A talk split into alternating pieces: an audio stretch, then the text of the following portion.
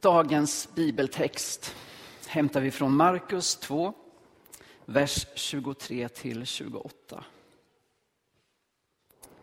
En sabbat tog han vägen genom sädesfälten och lärjungarna började rycka av ax medan de gick. Då sa fariseerna till honom. Varför gör de sådant på sabbaten som inte är tillåtet? Han svarade. Har ni aldrig läst vad David gjorde när han och hans män blev hungriga och inte hade något att äta? Han gick in i Guds hus. Det var när Eviatar var överstepräst och åt upp skådebröden som inga andra än prästerna får äta och gav också dem som var med honom.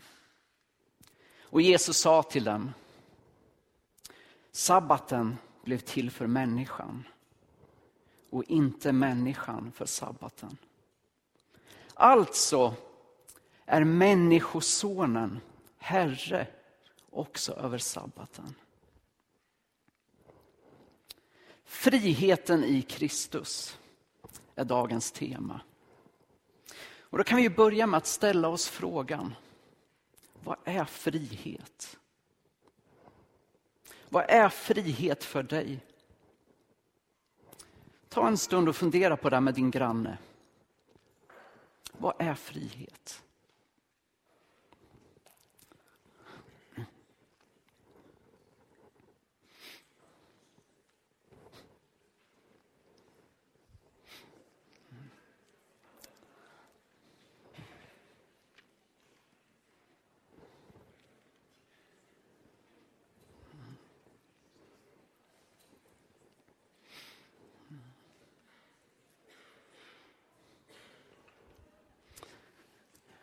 Jag hör hur det surrar ibland er.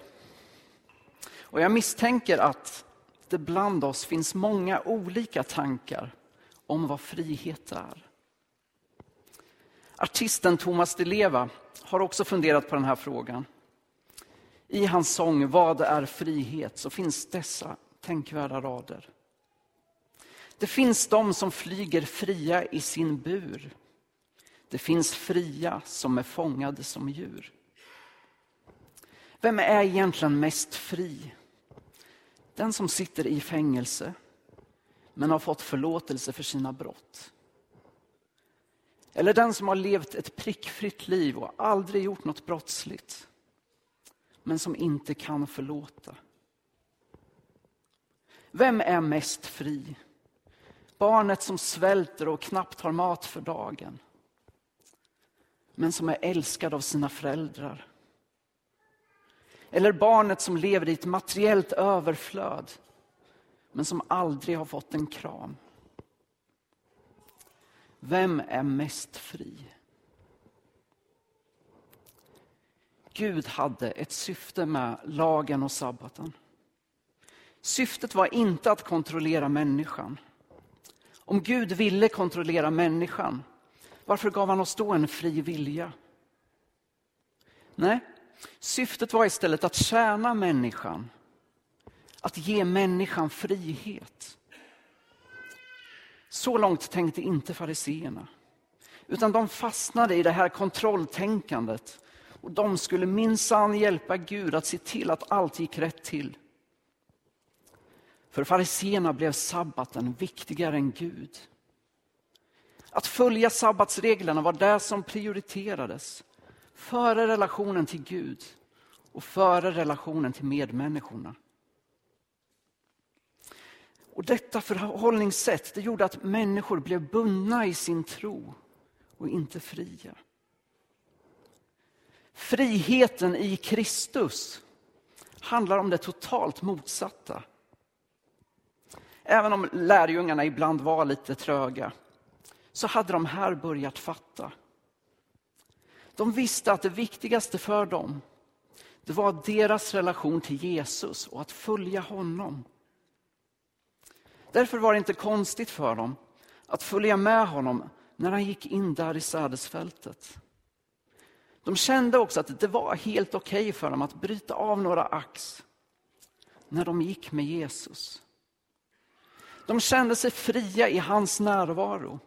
För de gick tillsammans med Människosonen som var herre över sabbaten. Och sen har vi ett av alla dessa möten mellan Jesus och fariseerna. Och jag älskar de mötena. För Jesus har så mycket humor när han bemöter deras anklagelser. Jesus och hans lärjungar blir här anklagade som brottslingar för att de har plockat några små ax på sabbaten. Och vad gör då Jesus? För det första hänvisar han till David, som förmodligen var en av fariseernas stora förebilder och som de såg som en riktig gudsman. Sen påminner Jesus om hur denne gudsman, när det började kurra lite i magen på honom och hans män, då gick de in i Guds hus och åt upp skådebröden. Och där var inte vilka ostfrallor som helst, utan det var tolv bröd som han skulle lägga fram inför Herren varje sabbatsdag och som bara prästerna fick äta. De sågs inte bara som något heligt, utan i tredje Mosebok där beskrivs de som något högheligt. Och det blir ju därför ganska komiskt när Jesus låter fariseerna jämföra deras anklagelse mot Jesus med vad deras hjälte David gjorde. David mumsade i sig det bröd som var det allra heligaste på sabbaten. Medan Jesus-gänget inte ens hade tagit en tugga av en vanlig ohelig limpa. Man hade bara plockat några små oskyldiga ax som inte ens blivit mjöl. Friheten i Kristus handlar om att leva nära den som är herre över alla lagar och regler. Men nu sitter du kanske och undrar, betyder det att jag inte behöver följa några lagar eller regler? Och då skulle jag vilja säga som David i psalm 40, vers 9. Gärna gör jag din vilja, min Gud. Jag har din lag i mitt hjärta. När vi lever nära Jesus fylls vi av en kärlek som driver oss att göra goda gärningar.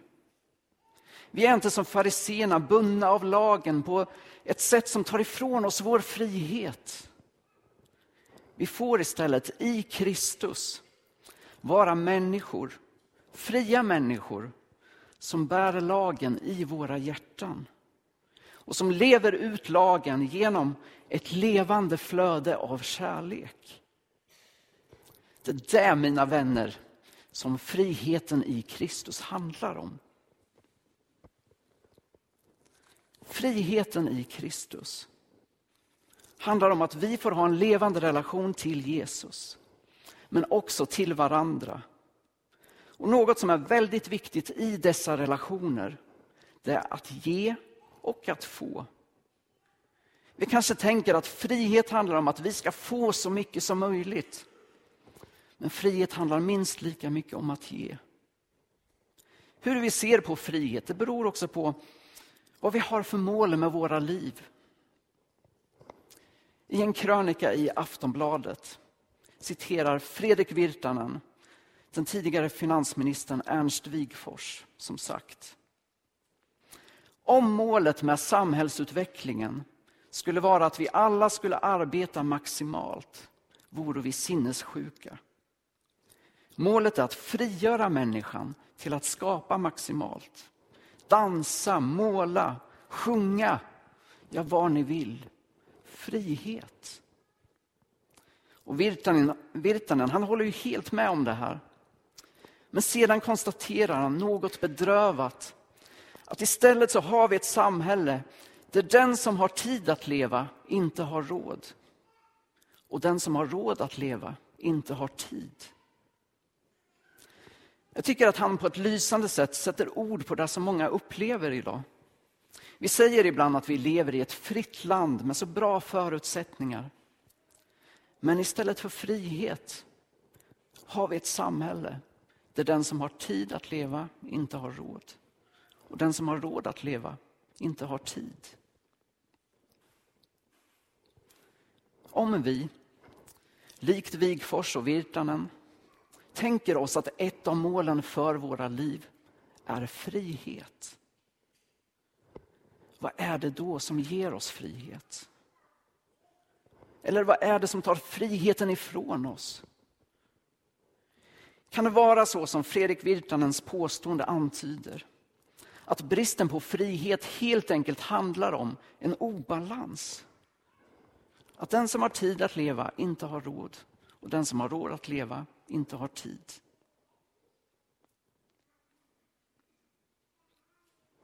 Vad är det som tar friheten ifrån dig? Är det att du har för lite tid eller för mycket tid? Är det att du har för lite pengar eller för mycket pengar? Är det att du har för lite vänner eller för många vänner? Eller är det helt enkelt att allt i ditt liv helt enkelt är för lagom? Vi har olika saker som tar friheten ifrån oss. Och vi har olika behov som behöver tillfredsställas för att vi ska kunna uppleva frihet. Och där behöver vi hjälpa varandra. Det kan vi göra med de olika gåvor som vi fått från Gud. Och I Ordspråksboken 3.27 så står det också Neka ingen en skälig gåva när det står i din makt att hjälpa. När vi läser i Bibeln är det ganska uppenbart att gåvor är något som är viktigt. Men vet vi egentligen vad en gåva är? På Örebro Missionsskola, där jag studerat de senaste åren, gjorde vi en gång en undersökning. Där vi gick ut på stan och bjöd människor på choklad. Helt gratis. Bara för att vi skulle undersöka hur de reagerade. Hur tror ni det gick? Ja, det, det var minsann inte lätt att bli av med den chokladen. De flesta säger nej direkt och bara springer iväg så fort de kan. Andra undrar vad haken är och förutsätter att det måste krävas någon form av motprestation från deras sida. Och några få modiga, de låter i alla fall sötsuget besegra den där rädslan efter att vi garanterat att de troligtvis inte kommer att dö. Vad är det som händer här? Det som händer är att vi har blivit så indragna i det ekonomistiska samhällets kontraktsbaserade verklighet att vi har glömt bort vad en gåva är. Vi är så vana vid tankesättet som säger att för att vi ska få något så måste vi också ge en motsvarande motprestation. För att vi ska få lön måste vi jobba. För att komma i form måste vi träna. För att köpa de prylar vi vill ha så måste vi betala. Och det behöver inte vara något fel med det. I Bibeln kan vi läsa om flera kontraktsbaserade förbund som ingås, både mellan Gud och människor och mellan människor. Men det är en viss skillnad mellan ett förbund eller avtal och en gåva. I ett förbund eller avtal så är det oftast något som samtliga parter har kommit överens om. Att de ska ge varandra och att de också ska hålla det. Medan en gåva handlar om att ge något utan att kräva någon motprestation. Men är det verkligen så vi tänker när vi ger gåvor till varandra idag? När jag till exempel får en present på min födelsedag, då blir jag ju naturligtvis väldigt glad för det. Men samtidigt kanske jag börjar tänka, oj, du måste ju ge en gåva till den personen för ungefär samma värde när han eller hon fyller år. Men vårt kontraktsbaserade tänkande så är det ganska naturligt att tänka så. Men då handlar det egentligen mer om byteshandel än om en gåva. Då blir det istället att jag får en slags skuld när jag får en gåva. Som jag på något sätt ska betala tillbaka. Och när jag lever med en skuld, då är det svårt att uppleva frihet. Det här sättet att tänka, att vi hela tiden sätts i skuld när vi får en gåva eller när vi får hjälp. tror jag är förödande för våra relationer. Speciellt i en församling. Vi har olika gåvor, både andliga och andra som vi kan dela med oss av för att uppmuntra och hjälpa våra medmänniskor. Och för det mesta så tror jag också att den goda viljan finns att hjälpa och glädja andra. Men hur många är det inte som tänkt att om jag ger henne de här pengarna, då kanske hon tror att, jag, att hon måste betala tillbaka. Eller om jag, om jag erbjuder mig att hjälpa honom, då kanske han tror att, att han inte klarar av det själv. Vi blir osäkra på hur vi bäst kan hjälpa till. Med våra ekonomistiska tankebanor, jantelagar och vår egen dumma stolthet så har vi dragits in i en individualism där rädslan för att vara någon annan till besvär blir starkare än givmildheten. För jag tror inte det största problemet är att givmildheten saknas. Det största problemet är att vi har glömt bort vad det innebär att ge och att få en gåva. Framförallt är vi dåliga på att ta emot gåvor. Att få en gåva är egentligen något fantastiskt. Och förstår ni vilken frihet det egentligen är när vi bara får säga tack och ta emot den som en verklig gåva. Och veta att det inte finns några som helst krav, krav på att behöva förtjäna den på något sätt eller behöva ge något tillbaka. Det är det som är en gåva. Och det är så det funkar med de gåvor som Gud ger oss. Gud ger oss inte gåvor som en belöning för att vi har förtjänat dem. Utan för att visa att han älskar oss. Och så borde också vi tänka om de gåvor vi ger varandra. Det som ger giv givaren mest glädje är förmodligen inte att få tillbaka en motsvarande gåva. Utan att få, få se att gåvan blir till nytta och fylla ett behov hos dig. Och där har vi ett annat problem. För att en gåva verkligen ska bli till glädje behöver den fylla ett behov. Att ge en hundralapp till en miljonär, det kanske inte leder till så mycket upphetsning. Men om du ger en hundralapp till någon som knappt har mat för dagen så blir det en stor välsignelse. Vi har olika behov, men vi har också olika gåvor att ge. Ibland kan vi fyllas av dåligt samvete när vi inte har så mycket tid, pengar eller kraft som vi vill ge. Men det är ingen som kan begära att du ska ge något som du inte har. Saknar du något du behöver borde det istället vara du som ska få. Det borde vara naturligt i en församlingsgemenskap att tillsammans försöka tillgodose de behov som finns. Men då behöver det också finnas en öppenhet med vilka behoven är. Så man vet vem som behöver vad. Tänk vad mycket av Guds rike vi skulle få se i en församling där den som är ensam får besök av ett gäng som kommer med nybakta bullar. Eller där den som har det bra ställt sätter in en kärleks, kärleksgåva på bankkonto till den som kämpar med sin ekonomi. Eller där den som har mycket ledig tid erbjuder sig att vara barnvakt. Så de stressade småbarnsföräldrarna får en kväll för sig själva. Eller där den som är sjuk blir buren både i bön och i praktisk hjälp. Och den som är frisk och har kraft. Eller där den som brottas med sin tro får dela sina tankar med den som tidigare har gått igenom den kampen. Eller där den som är ny i tron får vägledning av den som är erfaren. Eller där den som är erfaren får en nytändning av glöden hos den som är ny i tron. Eller där den som känner sig oälskad får en kram av den som bubblar över av kärlek. Eller där den som tycker att livet är alldeles för lagom får en riktig upplevelse tillsammans med den som är mer äventyrlig.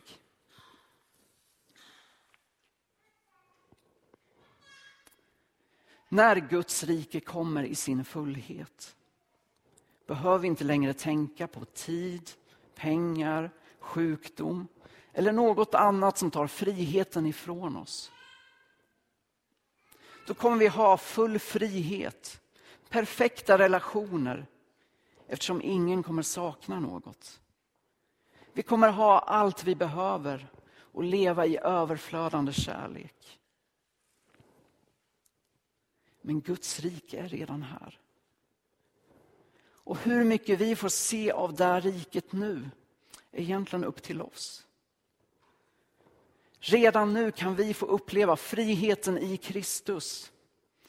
Det är vi som bestämmer på vilket sätt vi låter den friheten och kärleken påverka våra liv, våra relationer, vår församling och vår värld. Jag vet inte om det bara är en tillfällighet att det är just ax som lärjungarna plockar den här sabbaten. Men jag tycker det är lite intressant när Jesus i ett annat sammanhang jämför de människor som behöver Guds räddning med en skörd. Skörden är stor men arbetarna är få.